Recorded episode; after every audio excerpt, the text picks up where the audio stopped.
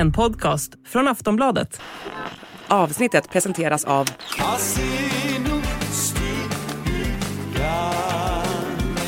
Stödlinjen.se, åldersgräns 18 år. Prins Harry spräckte skilsmässoryktena i helgen, men när han fastnade på bild så var det många som reagerade på en mystisk detalj. Det ska vi prata om.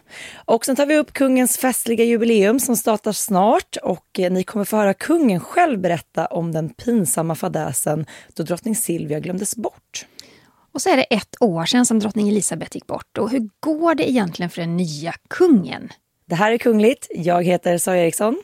Och jag heter Jenny Alexandersson.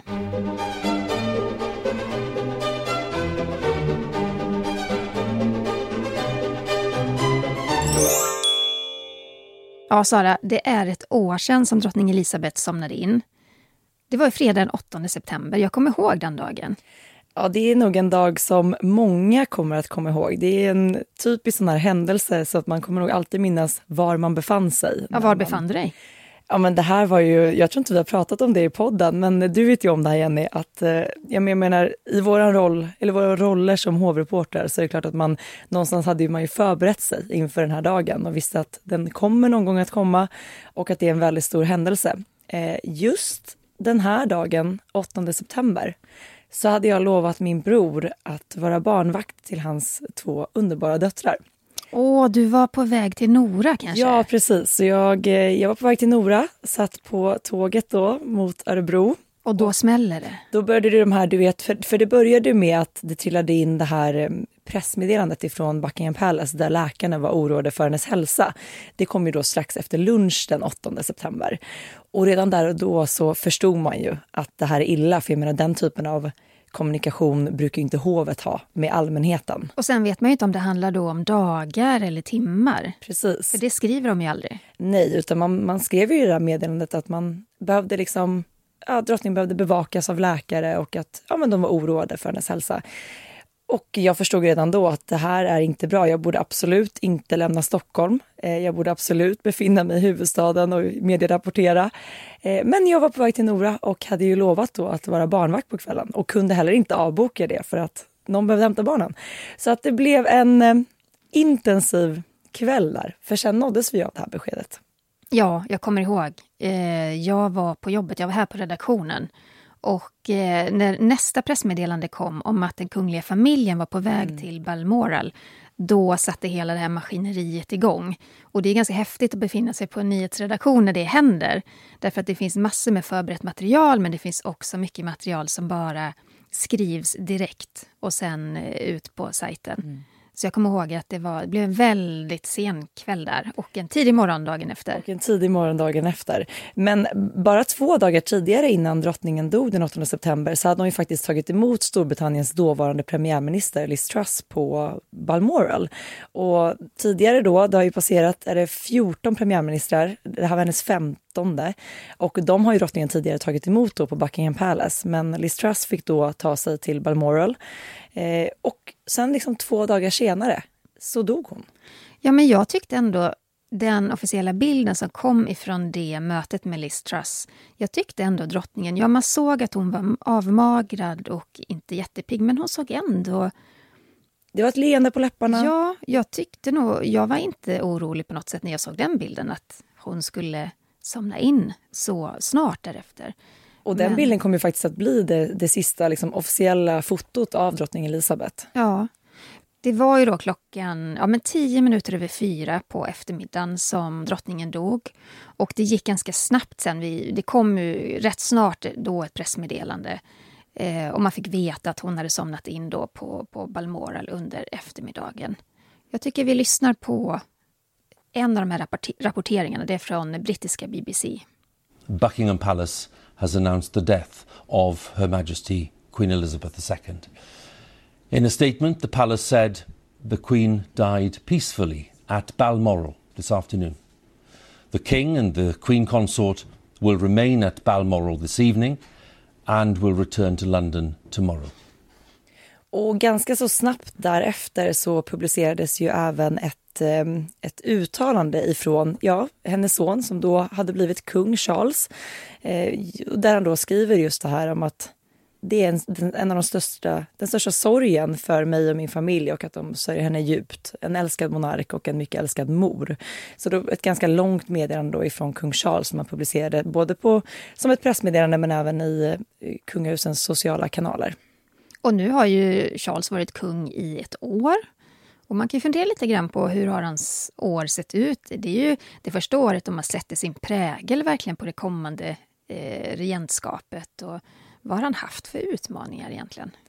Ja, man tänker, man pratar mycket om själva rollen som kung för då, eh, fram till dagen då drottningen dog var han ju prins Charles, men jag menar han har haft tid på sig att förbereda sig inför vad som komma skall.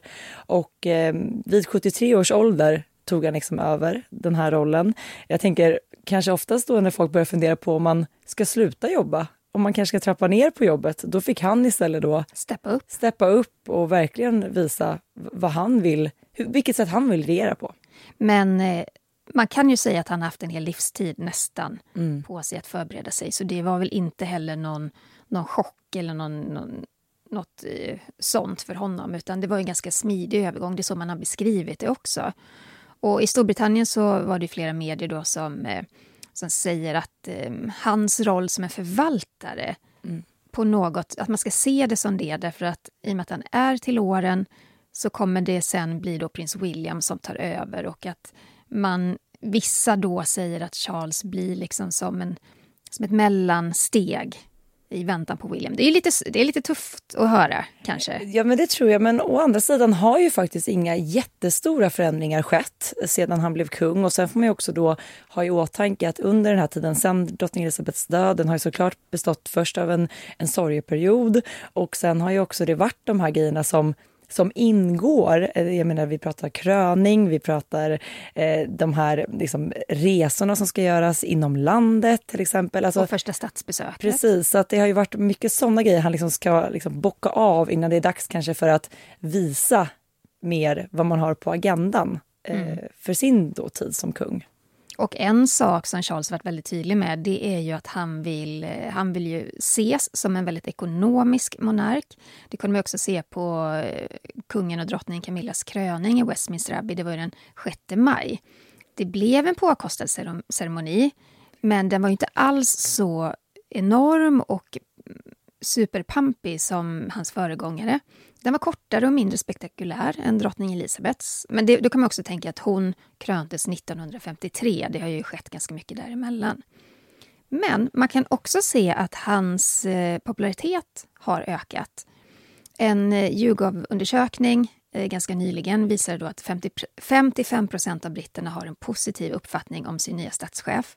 Och då kan man jämföra det med 44 procent som siffran låg på innan han blev kung. Mm, så han har ökat något då i, i popularitet sedan han faktiskt tillträdde som kung eh, i jämförelse då med när han var prins. Eh, en annan lite så här milstolpe kan man väl säga under det här första året som kung. Det var ju hans faktiskt första tv-sända jultal. Eh, det är en tradition som man har i Storbritannien där då eh, kungen eller drottningen talar till Storbritannien och hela samhället. Eh, det sågs faktiskt av rekordhöga 10,6 miljoner tittare i Storbritannien. Jag är inte förvånad. Nej. Jag har ju firat jul i Storbritannien och även de som inte är jättestora fan av kungahuset, de har det ändå som en obligatorisk sak i sitt eh, julfirande. Att man ska se regentens jultal. Det är liksom en del mm. i många, mångas liv just kring, kring jul. Och vi pratade om det här med resor innan. Kung Charles och drottning Camilla de, de har ju rest mycket runt om i landet. Det är ofta mycket det man fokuserar på det här första året som, som regent. Lite som en Eriksgata. Um, man har ju beskrivit dem som ändå öppna och tillgängliga, i alla fall mer än vad, vad drottning Elisabeth har varit. Men hon är också av en gammal generation kungligheter, så det får man ju ha i åtanke också. Och där tänker jag inte minst eh, när vi var i London, Jenny, inför kröningen den 6 maj. Jag tror att det var dagen innan. Vi, eh, där längs med paradgatan de Mall så var det ju hur många människor som helst som hade tältat och varit där i flera dagar. Och då skulle då kung Charles och eh, prins William och Kate transporteras ifrån Buckingham Palace och vidare någonstans. Och att de då faktiskt stannade vilket förvånade jättemånga, stannade med bilarna mitt på de Mall och klev ut ifrån bilarna och gick ut och hälsade på besökarna som hade stått där i ja, flera dygn. Eh, och där, det menar vi på att så här, det hade aldrig drottning Elizabeth gjort, men det gör den här nya kungen, vilket så här, symboliserar någon, lite mer, en lite mer öppen kung och kungafamilj. Mm. Och några skandaler under året har det väl inte heller riktigt varit. Men, men det är klart att vissa grejer har ju uppmärksammats och, och blivit virala på sociala medier och sådär. Eh, en grej som vi har pratat om då och då, det är de läckande pennorna. ja. För när kungen då tillträtt så skulle han signera papper, det var vid två olika tillfällen, det var ju såna legala dokument. Och eh, han var besvärad över att någon hade placerat bläcket där han inte ville ha det. Och det kunde man se, man kunde se irritationen. Mm. Och bara några dagar senare så fick ju omvärlden ta del av en konversation då mellan Charles och Camilla när de skrev under ett dokument, eh, det var under ett besök i Nordirland. Och det började med att kung Charles inte visste vilket datum det var.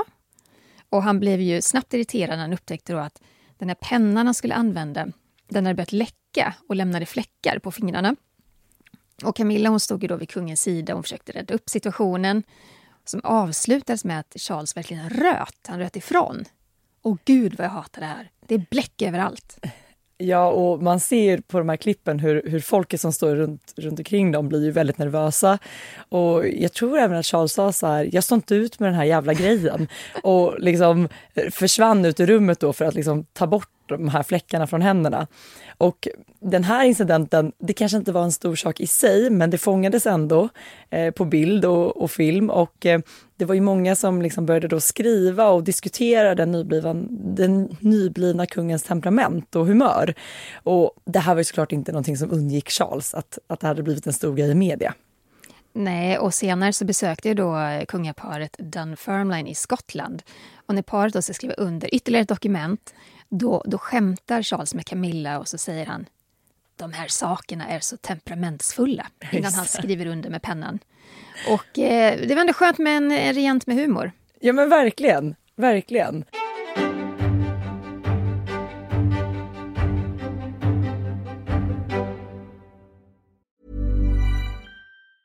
Tired of ads barging into your favorite news podcasts?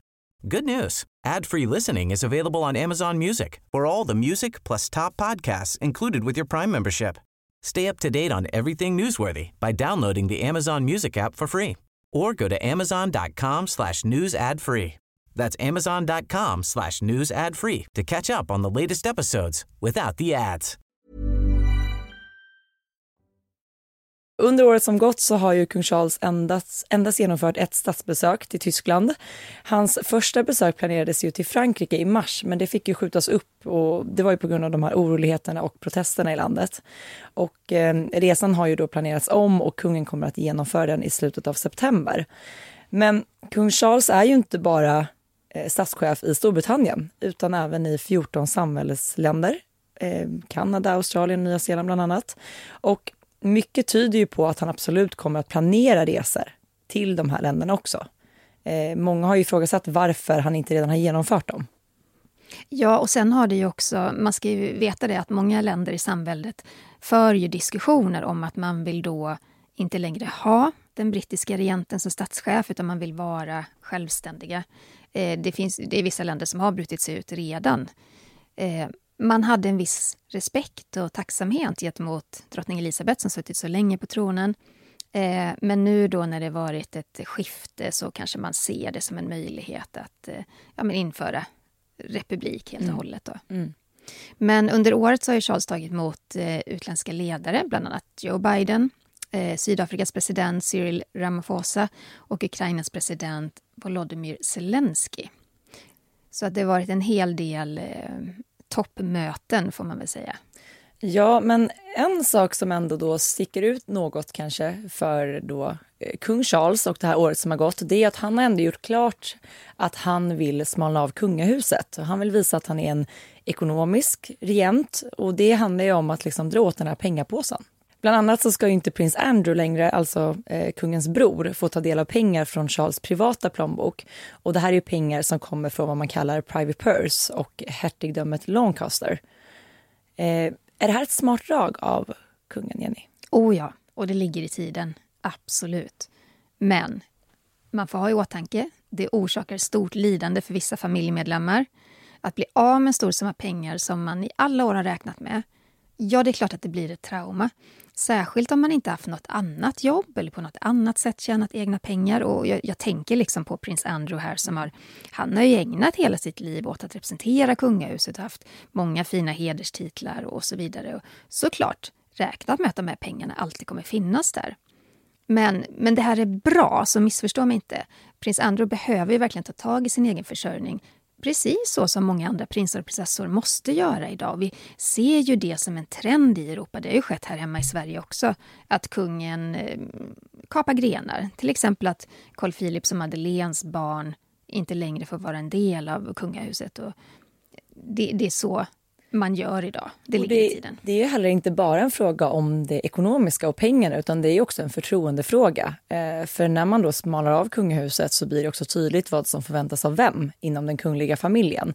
Och det tror jag verkligen skulle kanske behövas i Storbritannien. Eh, att man tydliggör vilka som faktiskt är arbetande kungligheter och då även får ta del av pengarna. Mm. Samtidigt är det värt att nämna också att nu när det varit kröningar och jubileum och sådär, man märker att det finns en väldigt royalistisk yra. Men samtidigt så har ju också den republikanska rörelsen ja, men vuxit eller kanske återupplivat debatten om kungafamiljens framtid. Och det har ju inte... Det där går ju i cykler också, eller hur? Ja, men verkligen. Och jag tänker att under drottningens tid på tronen, inte minst hennes sista år, så liksom blossade inte de här åsikterna riktigt på samma sätt. Och det kanske kan handla om respekt för den åldrande drottningen som liksom servat landet i 70 år. Men jag tycker att det var, om man jämför då när vi var på plats i London under drottningens eh, platinajubileum eh, versus kung Charles kröning.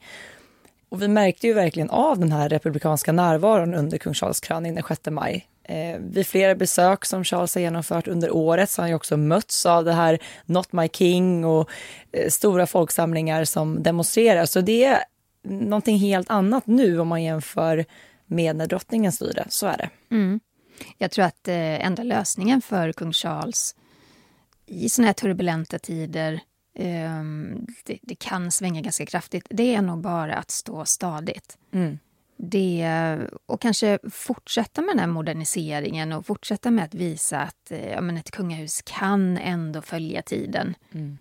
Det är nog det enda han kan göra. Jag ska också tillägga det att det är klart att, att det har funnits kritiska röster även under drottning Elizabeths styre. Eh, och det där går ju i cykler och det är klart att det har även mycket att göra med liksom, omvärldsläget. Jag menar, nu har man gjort, man har haft ett jättepåkostat jubileum i London för drottningen. Man har haft en kröning, alltså det har kostat skattebetalarna jättemycket pengar. Och i tider då av ja men, inflation, dyra elpriser, krig i världen, alltså det klingar ju inte bra. Och det är klart att de här åsikterna växer sig allt starkare.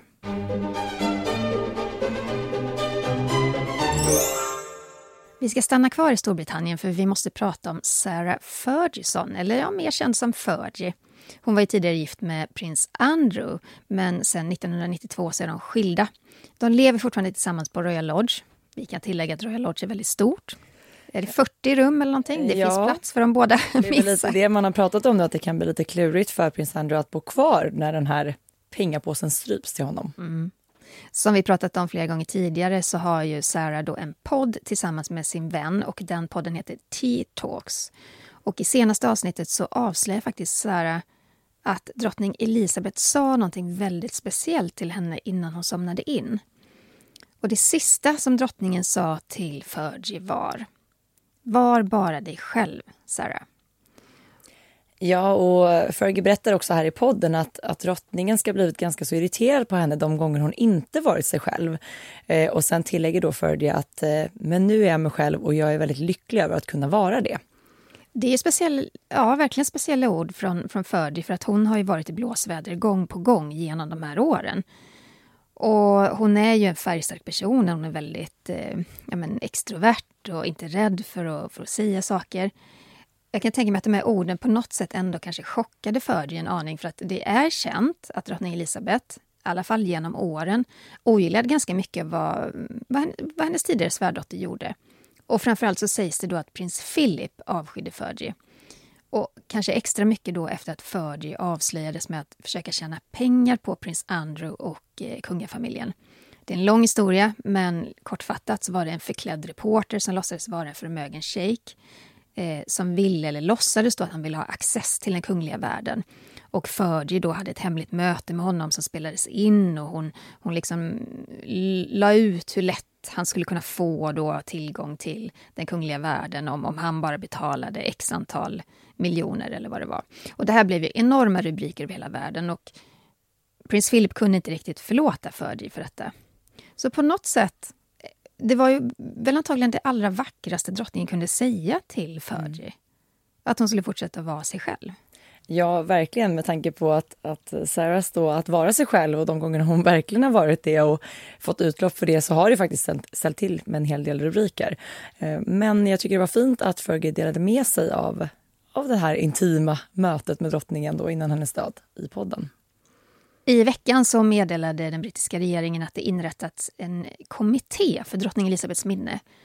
Och den här kommittén ska utarbeta ett förslag för en permanent minnesplats till den avlidna drottningen. Och tanken är att man vill att alla i Storbritannien ska kunna hedra drottningen, hennes liv, hennes tjänst till nationen.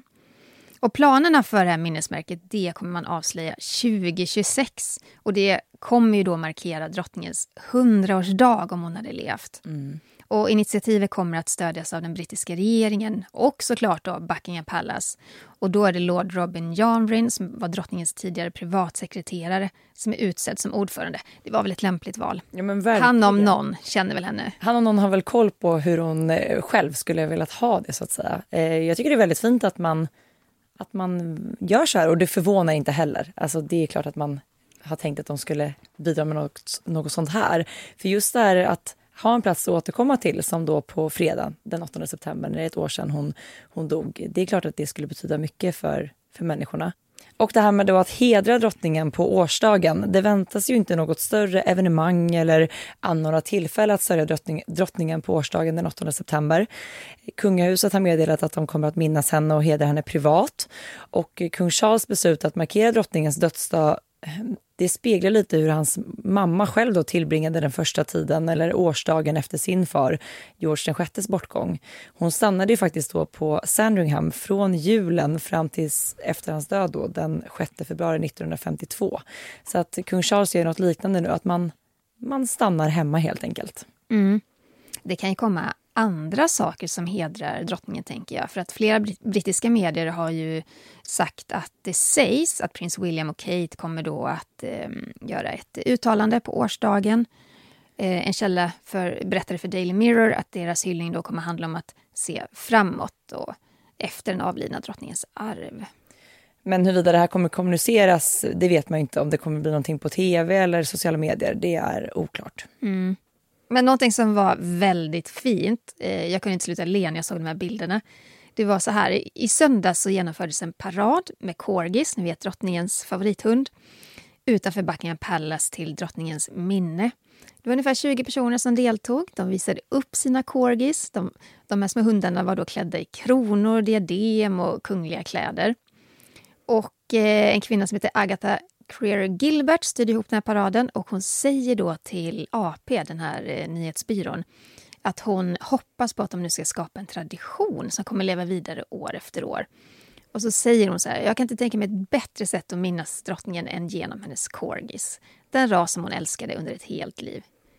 Ändå lite gulligt. Ja, men det här tycker jag var ett väldigt fint initiativ. Vi håller oss kvar i Storbritannien på sätt och vis. Vi måste prata om Harry och Meghan. Så detta är veckans Harry och Meghan.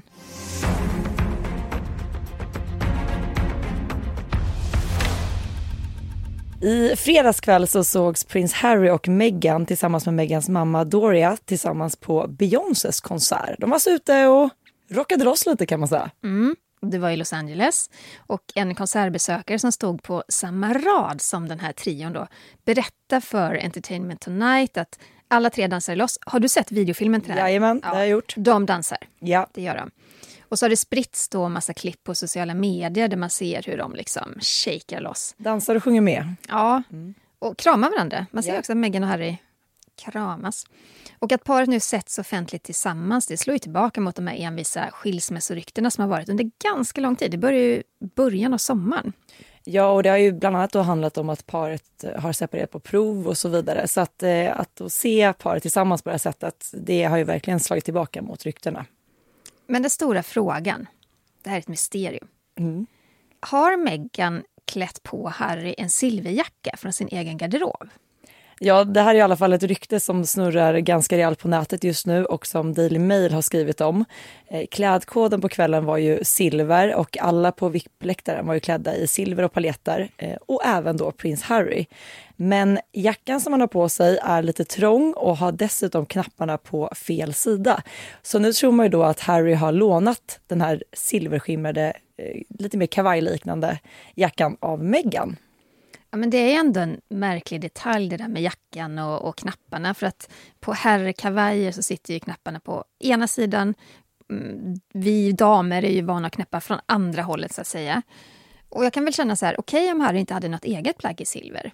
Men hade jag varit honom, då hade jag nog bara struntat i en sån klädkod.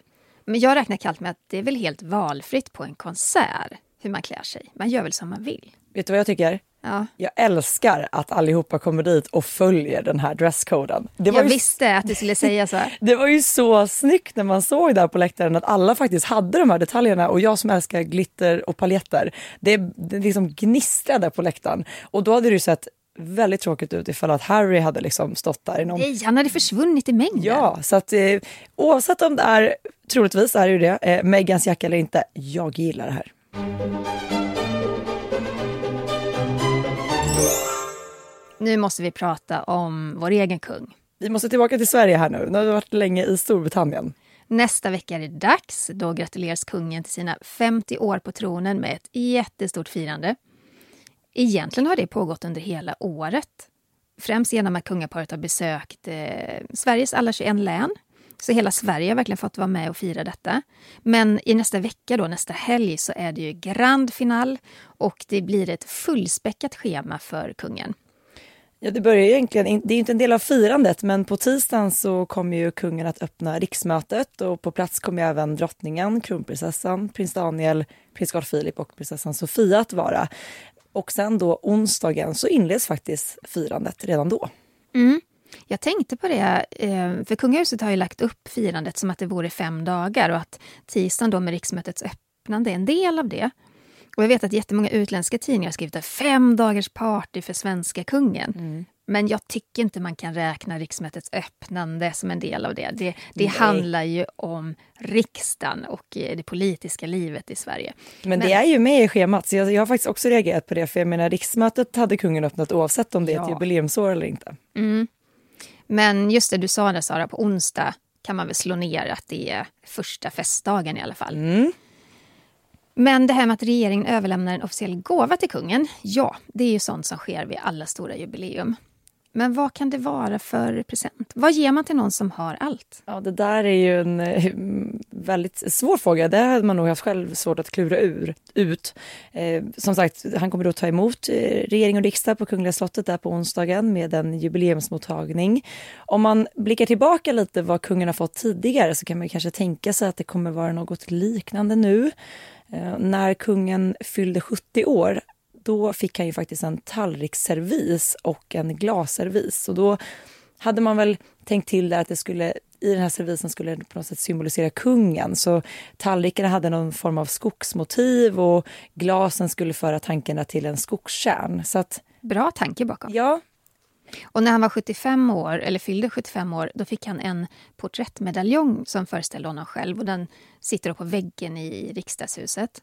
Och Även när han fyllde 60 fick han något liknande. Då fick han ett porträtt av sig själv i, i present. Ja, och när, eh, när drottningen fyllde 75, tror jag att det var, ja, då fick hon av regeringen då och riksdagen en väldigt ovanlig lampa i mässing. Så jag tänker så här, just det här med presenter, då får man väl tänka väldigt mycket utanför boxen för att lyckas pricka in någonting som de inte redan har. Mm. Kommer ni ihåg när eh, Victoria fyllde 30? Då fick hon en platt-tv av regeringen. Det var det ju många som reagerade på. Det, alltså det låg ju i tiden, för att det var ju då de flesta skaffade platt-tv och mm. sådär. Absolut. Men eh, jag vet att det var mycket skriverier om den där... Eh, det var Reinfeldt som lämnade över den, tror jag. platt-tvn. Ja. Ja. Nej men det är, ja om jag får gissa så, just här också, nu är det inte en födelsedag som ska firas utan ett jubileum, någonting som verkligen markerar en historisk händelse. Kungen är den regent i Sverige som har suttit alla längst på tronen och då kanske att det blir någon form av jubileumsservis som har eh, framtagits av någon svensk formgivare eller liknande. Det är nog vad jag gissar på. Mm. Vi får se. Spännande. Det kommer ju bli offentligt. Yes. Men på torsdag då, den 14 september fortsätter firandet. Då har man också jubileumsmottagning på slottet. Men framförallt på kvällen där så ger Kungliga Operan en jubileumsföreställning på Drottningholms slottsteater. Och därefter då så står kungaparet för en privat middag på Drottningholms slott. Och då vet vi det att eh, de, många av de här tillresta kungliga gästerna och kollegorna är ju redan på plats då på torsdag kväll.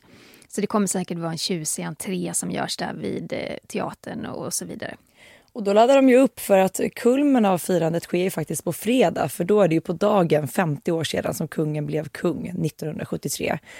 Och eh, kungafamiljen kommer att närvara vid en tacksägelsegudstjänst, en så kallad tedeum i Slottskyrkan. Och det har man ju alltid vid såna här stora jubileumsdagar och högtidsdagar. Det är ju lite tradition. Ja, och jag tycker det är, en- det är en fin tradition. Eh, där någonstans inleds då firandet för fredagen. Och sen så kommer ju kungen att närvara vid högvaktsavlösningen på Yttre Borggården.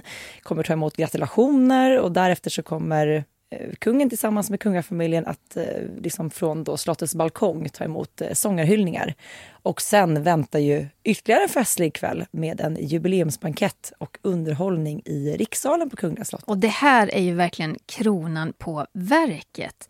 Eh, om jag tror rätt så kommer det här vara en kväll som eh, hovet och alla anställda vid kungahuset eh, verkligen satsar krut på. Det kommer vara frasande sidenklänningar, diadem och smycken som glittrar i strålkastarljuset. Det kommer vara röd matta. Ja, men allting som man kan förvänta sig av ett eh, 50-årsjubileum.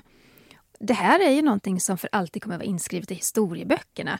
Bilder som tas den här kvällen kommer man kunna titta på om 50, 100, 150 år när Karl XVI Gustav bjöd in till jubileumssupé i rikssalen. Ja, och firandet slutar ju faktiskt inte där med den här eh, festliga middagen på Kungliga slottet. För att på lördagen så kommer kungen och drottningen att färdas i kortege längs med Stockholms gator. Eh, kortegen startar då 14.30 och pågår till klockan 16. Och eh, det är då först eh, häst och vagn som gäller eh, och sen också en båtfärd genom staden. Mm, det är med den här kungasluppen Vasaorden. I somras så låg den förtöjd vid Stadshuset, för Stadshuset firade också ett eh, 100-års... Var det 100-årsjubileum? Ja, jag tror det. Eh, den är otroligt vacker. Den ska kungaparet åka med. Vi har sett den vid bröllop och Jättefin. andra tillfällen. Och ehm, sen är det då en stor jubileumskonsert vid Lejonbacken som startar klockan 16. Och då har kungaparet klivit ur båten. De har eh, gått upp där vid Lejonbacken och så kan de då njuta av den här konserten. Den ska ju spegla 50 år på tronen. Inte så förvånande på något sätt. Nej, det är ju, jag tror att det är, ett, eh, är det 12-13 artister som kommer att, att uppträda och jag tycker det är härligt att det är öppet och gratis för alla och konserten som sagt håller på till klockan sex och därefter mellan klockan sex och klockan tio på kvällen så titulerar man det som en dansfest på Gustav Adolfs torg så att det här blir ju festligt. Ja, men det kan jag tänka mig att det blir också. Jag såg lite på programmet, alltid från salsaorkester till... Ja, men det kommer vara alla typer av danser. Och eh, Gustav Adolfs torg där är ju... Det är stort. Det finns alla möjligheter att svänga runt. Man räknar med... Ja, men det kan vara upp till ett par hundratusen människor som rör sig i området kring slottet Norrbro. Det kommer ju serveras mat och dryck vid Norrbro också. Så det blir en folkfest och det är Stockholms stad då som, som står bakom den. Ja, och utöver då folkfest och hur folket kommer att fira kungens 50 år.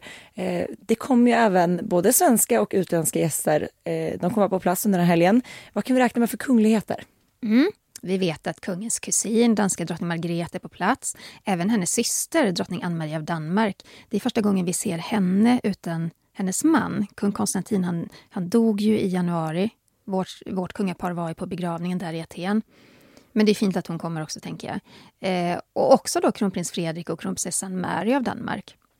Och sen har vi också då kungaparet av Norge såklart, Harald och Sonja.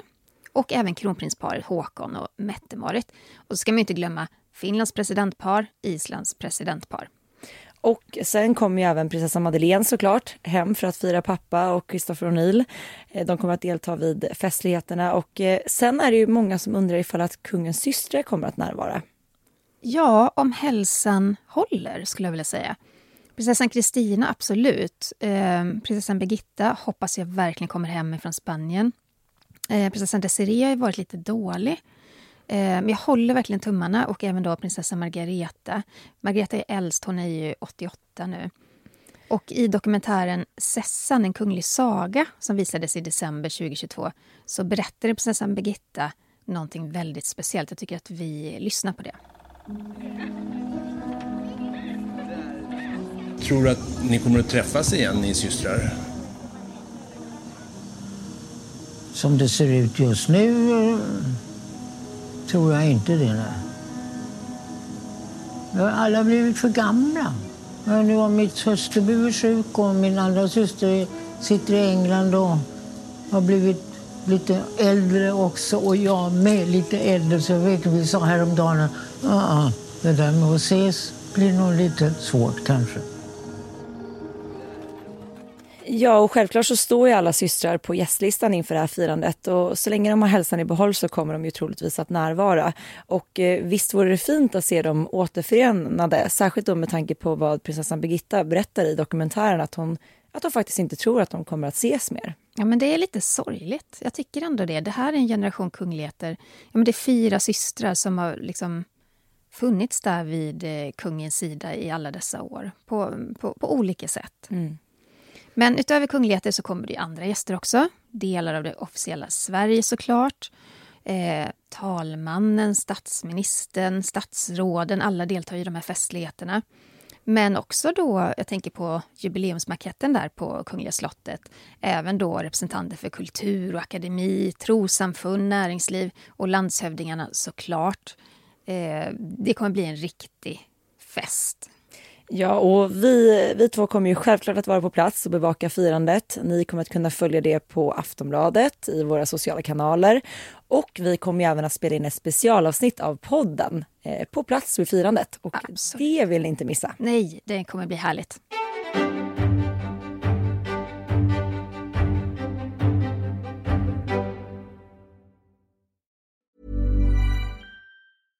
Hej, jag Ryan Reynolds. At Mint Mobile, we like to do the opposite of what Big Wireless does. They charge you a lot, we charge you a little. So naturally, when they announced they'd be raising their prices due to inflation, we decided to deflate our prices due to not hating you.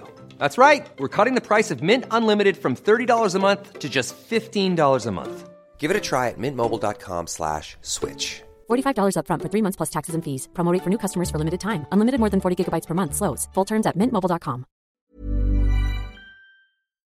Det är många som uppmärksammar eh, de här 50 år på tronen. Det har verkligen kommit en lång ström med böcker, tv-serier och filmer som handlar om kungen. Och alla har ju fokus då på 50 år på tronen. Och några av dem... Eh, vi vet ju att Viaplay har ju den här dokumentären Kungens innersta krets där bland annat då Roger Lundgren är producent. Jag tror han är exekutiv producent. Eh, SVT har ju den här tv-serien Kungen och jag som är gjord av Karin af Klintberg. Visst är den baserad på biofilmen? Ja, precis. Eh, biofilmen är ju en kortare version kan man säga. Den är ungefär en timme och 20 minuter medan den här Kungen och jag som sänds på SVT, den är ju tre delar så det är ungefär tre timmar. Så att, eh, jag ska prata lite mer om den senare. Mm. Sen har vi också Warner Bros och Discovery. De har gjort den här dokumentären Kungen med två ansikten. Och Då är det författaren och min kollega, journalisten Åsa Lindeborg, som står för den. Och sen har vi den här eh, tronen som eh, har gjorts av TV4. Och där, Jenny, är ju du med och medverkar. Ja, men det är så roligt. Det har verkligen varit ett jättespännande projekt. Den, eh, den här serien är gjord av Christian Arnet och ja, nej, men det har varit så roligt att få vara med där och prata om kungen. Vi måste ju gå igenom lite de här olika dokumentärerna och, och filmerna som har gjorts om kungen. Eh, ska vi börja med filmen som heter kort och gott Kungen och mm. som heter Kungen och jag på SVT. Den här filmen då hade ju, sändes ju faktiskt på bio vilket var lite speciellt. Den hade biopremiär den 24 februari tidigare i år. Och den handlar då om Karin af Klintbergs möte med kungen. Eh, I filmen får man då följa kungens liv, ibland på avstånd, ibland nära, ibland liksom på slottet och i officiella sammanhang Eh, med mer formella avstånd. Eh, de pratar ju såklart om kungens barndom, kungens liv, både toppar och dalar. Och jag såg ju som sagt den här filmen då på bio och jag reagerade på hur många i salongen som liksom under filmens gång började lite så här tissla och tassla med varandra gällande de olika scenerna och även en hel del skratt. För vår kung har ju ganska nära till humor och i det här mötet som, som Karin får med honom så sipprar lite hans den här skojare sidan fram. Eh, mer kanske än vad vi är vana vid att se. Och eh, just där i år har ju kungen gjort extra många intervjuer och, och sådär just för att eh, han firar 50 år på tronen. Och han får frågan av Karin i avsnitt 1 i SVT serie Kungen och jag just vad han, vad han själv tycker om att prata om sig själv. Jag tycker vi ska lyssna lite på vad han svarar. Vad tycker kungen om att prata om sig själv? Nej, men det är lite svårt tycker jag att berätta och framföra saker och ting. Kommer journalister för nära? Nej, det, ser, det ser, ser, ser nog till att det inte kommer för nära. Nej. Mm. Och var går gränsen? Du håller på att borra här rätt ordentligt tycker jag. det finns vissa gränser snart. Passerar jag någon gräns? Nej, jag... Ja. Men berätta för mig då, var går gränsen? Vad får jag Nej, det vet inte jag, det beror på var, var, vi hamnar någonstans. Men... Vad får jag inte fråga om? Det talar jag förstås inte om. ja, jag är inte så förvånad över det här. Kungen är ju en mer reserverad person om man till exempel jämför med, med kronprinsessan Victoria. Han har ju en skarp gräns mellan det officiella och det personliga och absolut mot det privata. Det är det värsta han vet när det, det pratas om privata, personliga grejer. Mm. Så jag, jag känner igen där. Men jag tycker det är väldigt kul då när, när han svarar just så här att eh, du håller på att borra på här rätt ordentligt tycker jag. Att han tycker att det blir lite för eh, mm. intima frågor. Eh, men som sagt, den här filmen har ju då gjorts om. Från början en biofilm som gjorts om, gjorts om till en serie i tre delar. Första delen hade ju premiär i söndags och andra delen sänds 11 september och sista den 17 september. Och jag kontaktade faktiskt projektledare och SVT-ansvarig för serien, Lars Säfström, för att ta reda på liksom vad som skiljer serien i de här tre delarna mot biofilmen. Och eh, han berättade då för mig att efter att filmen spelas in så var det dels många som kontaktade dem och hade då helt nytt material som de hade tänkt att det här skulle passa fint att haft med i den här filmen och som aldrig tidigare visats. Och det är då i del tre här på SVT som kanske mest av det här nytillkomna materialet visas. Och Karin fick då även träffa kungen vid flera tillfällen efter att filmen var klar för att då addera ytterligare material till serien. Och ehm, ja, men jag tycker att det är intressant just de här frågorna mer där kungen blir verkligen han är i och för sig alltid intervju, alltså han blir alltid intervjuad men just själva mötet med kungen kanske kommer mer i fokus än eh, kungens liv i stort. Eh, och, ehm, och, det är ju många som har reagerat på det. Det är många som tycker att ja, men det skaver lite grann att Karin af Klintberg själv syns så mycket och att hon sätter fokus på mötet mellan dem och att de tillhör två olika generationer och hon, att hon på något sätt försöker få kungen att prata om känslor och sånt där. Mm. Men just, i, just det här med en blandning av humor och allvar är ju verkligen ja, genomlyser hela den här serien. Och jag tycker faktiskt vi måste lyssna på en kul detalj från första avsnittet. För mitt under en intervjudel på Kungliga slottet så måste kungen hastigt avbryta. Vi lyssnar. Jo, man, ja, men ja, full respekt eh, till ämbetet. Vi i familjen eller är uppfostrade för att uh, sköta ett ämbete helt enkelt. Oh, Jesus, jag har ju lunch! För helvete, jag har ju massa gäster. Men,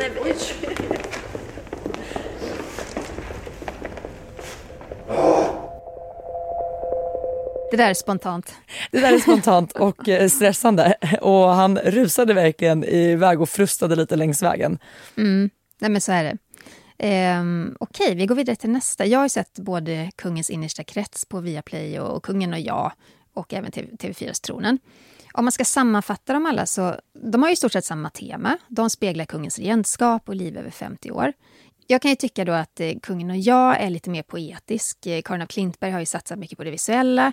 Det är vackra klipp, det är bilder, det är kameraåkningar, det är musik. Eh, och så just det här som vi snackade om då, att hon figurerar ju själv väldigt mycket i serien. Det har hon fått både ris och ros för. Eh, Kungens innersta krets på Viaplay, den är lite annorlunda. Eh, som sagt, som vi sa, Roger Lundgren är en av de som står bakom den. Eh, den är lite snabbare jämfört med Kungen och jag. Det är fortfarande mycket snyggt gjort. Eh, de har lite annorlunda vinklar som kanske sticker ut lite mer. Bland annat så handlar ett helt avsnitt om kungens vänner. Och Det är faktiskt första gången som jag hör de här barndomsvännerna berätta på det här viset och jag tycker det är jätteintressant. Och TV4s dokumentär den är jag ju själv en del av, jag finns med som expert. Jag vill inte låta partisk, men jag tycker den är mycket snyggt gjord. Alltså, särskilt hur man behandlar det historiska materialet kontra det nya. Ni som kollar på det sen, eller som första avsnittet visades ju häromdagen, eh, hur man sen morfar ihop det historiska med det moderna. Och det som jag tycker framkommer väldigt tydligt det är hur avslappnad kungen är i intervjuerna med Christian Arnett. Det är han då som har skapat eh, dokumentären. Det finns någonting där som gör att kungen faktiskt är lite mer spontan och, och personlig. Och, sådär. Jag, och jag tycker vi lyssnar på ett klipp från tronen. Det är avsnitt tre där kronprinsessan får se ett tv-klipp på sig själv när hon håller sitt myndighetstal i rikssalen. Jag kommer alltid att vara lojal mot konungen så det var ju mycket som passerade revy på något sätt från bilder och filmer jag hade sett.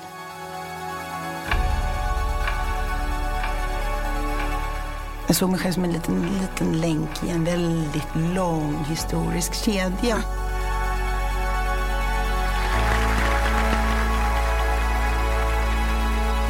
Och det blev väldigt fint samtidigt som ansvaret kände jag ju tungt, givetvis också. Ja, ett stort tema i TV4s eh, Tronen det är ju plikt och hur kungen och hans familj då förhåller sig till plikten. Och kronprinsessan Victoria hon tar det på stort allvar som vi hör. Och det har hon ju gjort sedan hon var mycket liten. Och det har inte alltid varit lätt för henne.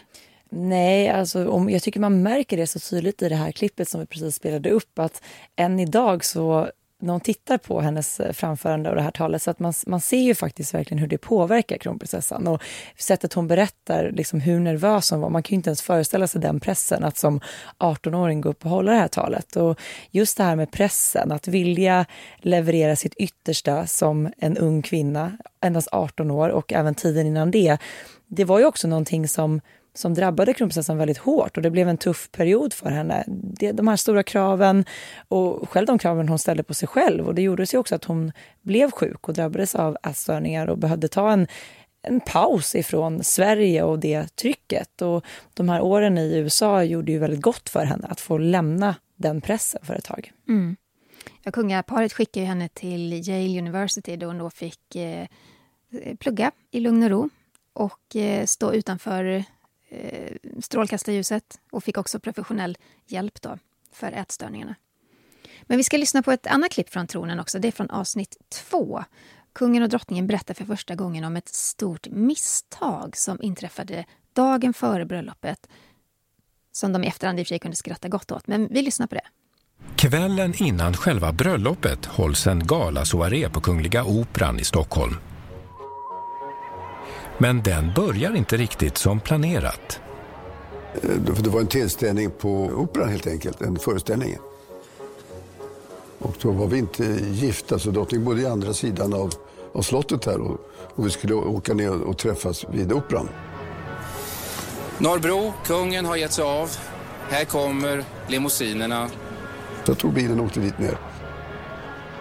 Och trodde att drottningen hade skjuts från andra sidan och att vi skulle sammanstråla så hade jag uppfattat det. Men hon var inte där.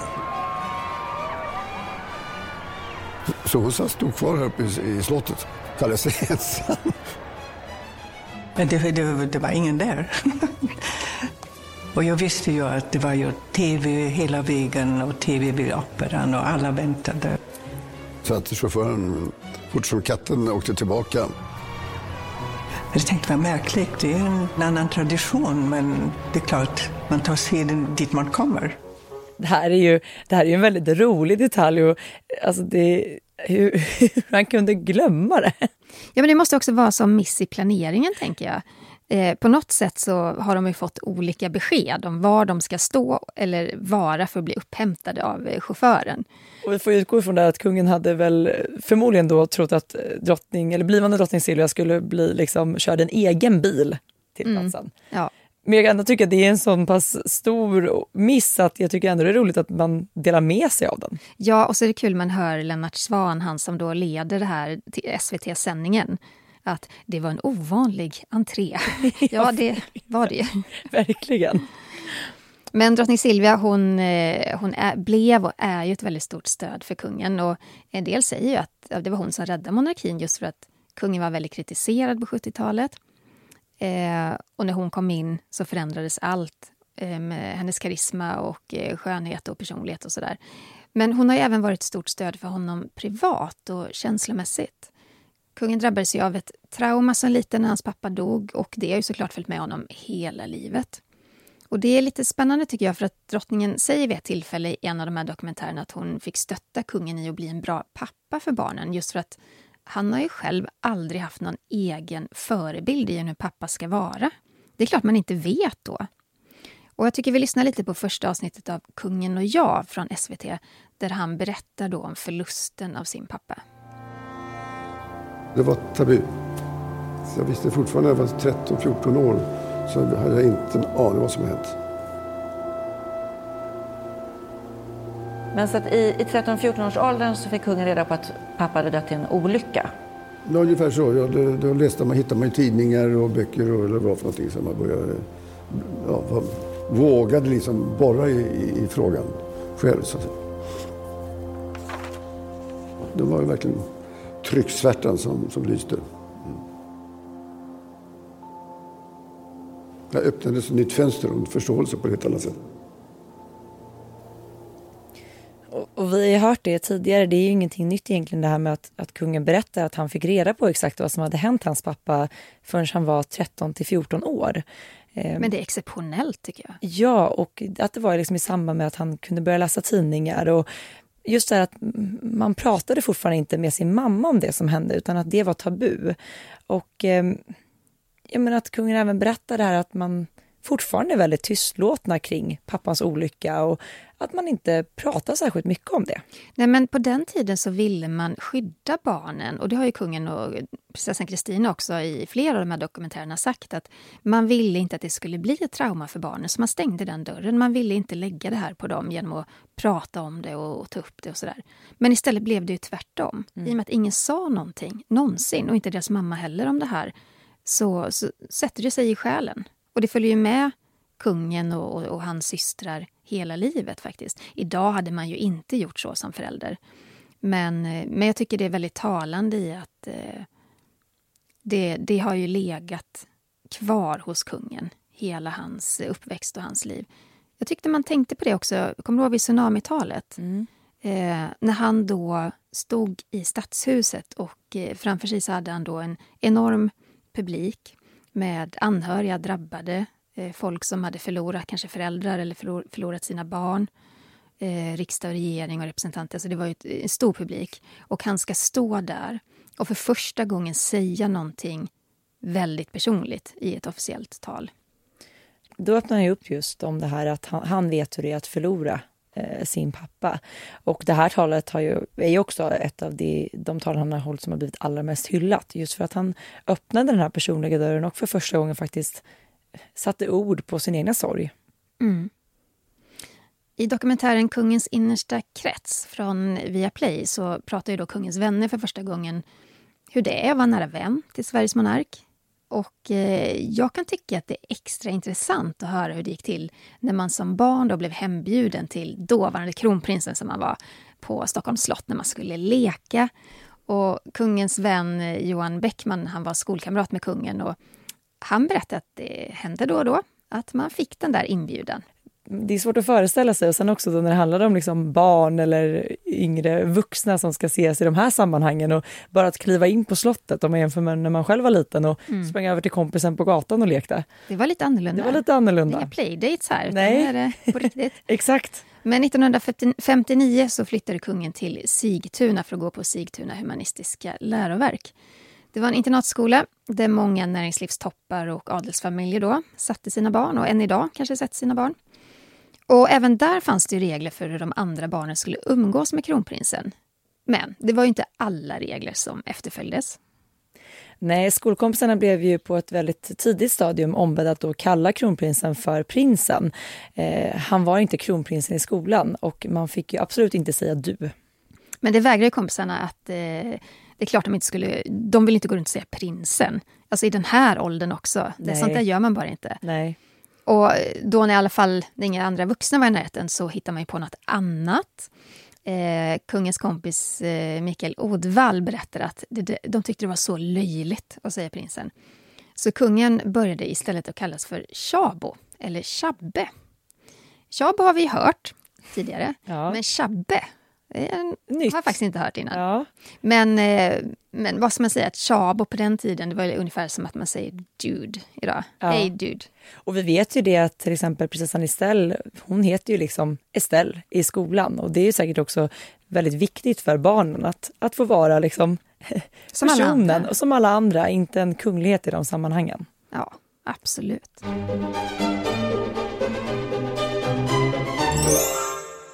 Det blev ett långt avsnitt idag Jenny, vi har mycket att avhandla och nästa vecka som sagt då kommer det bli två avsnitt av Kungligt. Ett vanligt avsnitt som den här veckan och sen spelar vi in ett specialavsnitt i samband med kungens jubileumsfirande. Mm. Vi har fått en läsarfråga också. Eh, vill ni skicka in frågor så mejlar ni kungligt aftonbladet.se. Det är en fråga från Jocke. Han säger tack för en grymt bra spännande podd. Jag lyssnar varje vecka. Tack Jocke. Tack. Jag undrar om ni tror att vi får se Silvia bära det brasilianska diademet under kungens 50-årsjubileum. Känns som att det är väldigt sällan vi får se henne i detta magiska diadem. Tror ni att det finns någon anledning till detta? Ja, men det här är ju faktiskt drottningen själv berättat i SVTs eh, dokumentär om kungliga smycken att det brasilianska diademet det plockar man bara fram vid väldigt speciella tillfällen. Eh, det är ju ett av de mest pampiga diademen som finns i den svenska smyckesamlingen. Det är oerhört tungt, det är ganska så komplicerat att bära så det är ingenting man bara kastar upp på gässan hur som helst.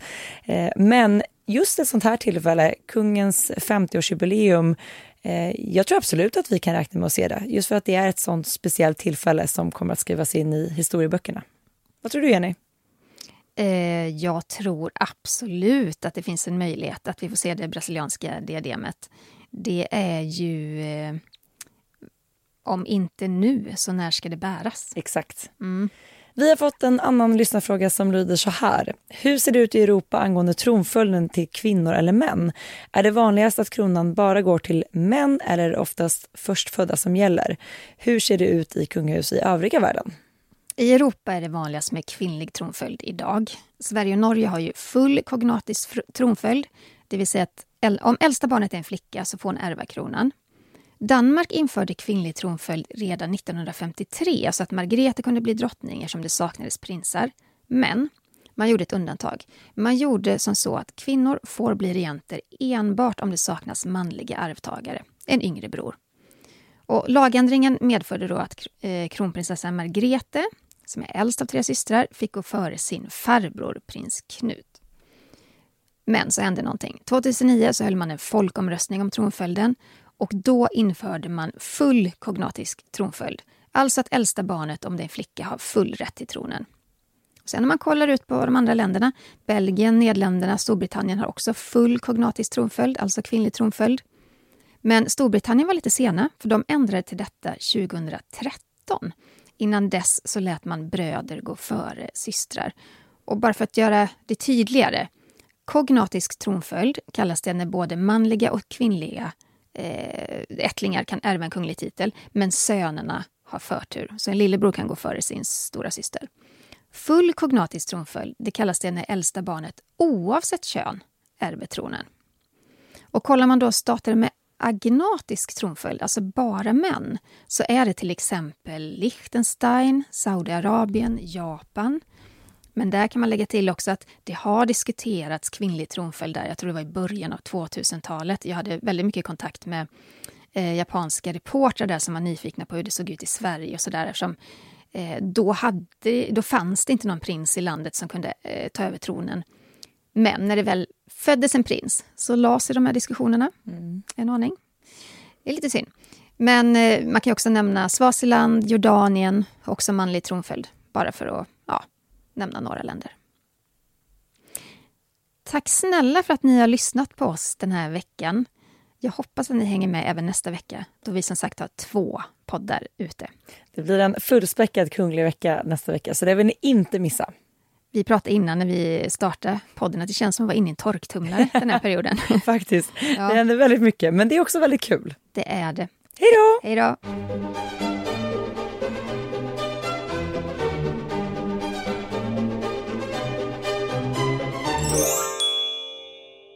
Du har lyssnat på en podcast från Aftonbladet. Ansvarig utgivare är Lena K Samuelsson. This message comes from BOF sponsor eBay. You'll know real when you get it. It'll say eBay Authenticity Guarantee. And you'll feel it. Maybe it's a head turning handbag, a watch that says it all, jewelry that makes you look like the gem, or sneakers and streetwear so fresh every step feels fly. eBay gets it. So look for the blue check mark next to that thing you love and be confident that every inch, stitch, sole, and logo is checked by experts. With eBay Authenticity Guarantee, you can trust that feeling of real is always in reach. Ensure your next purchase is the real deal. Visit eBay.com for terms. Ton.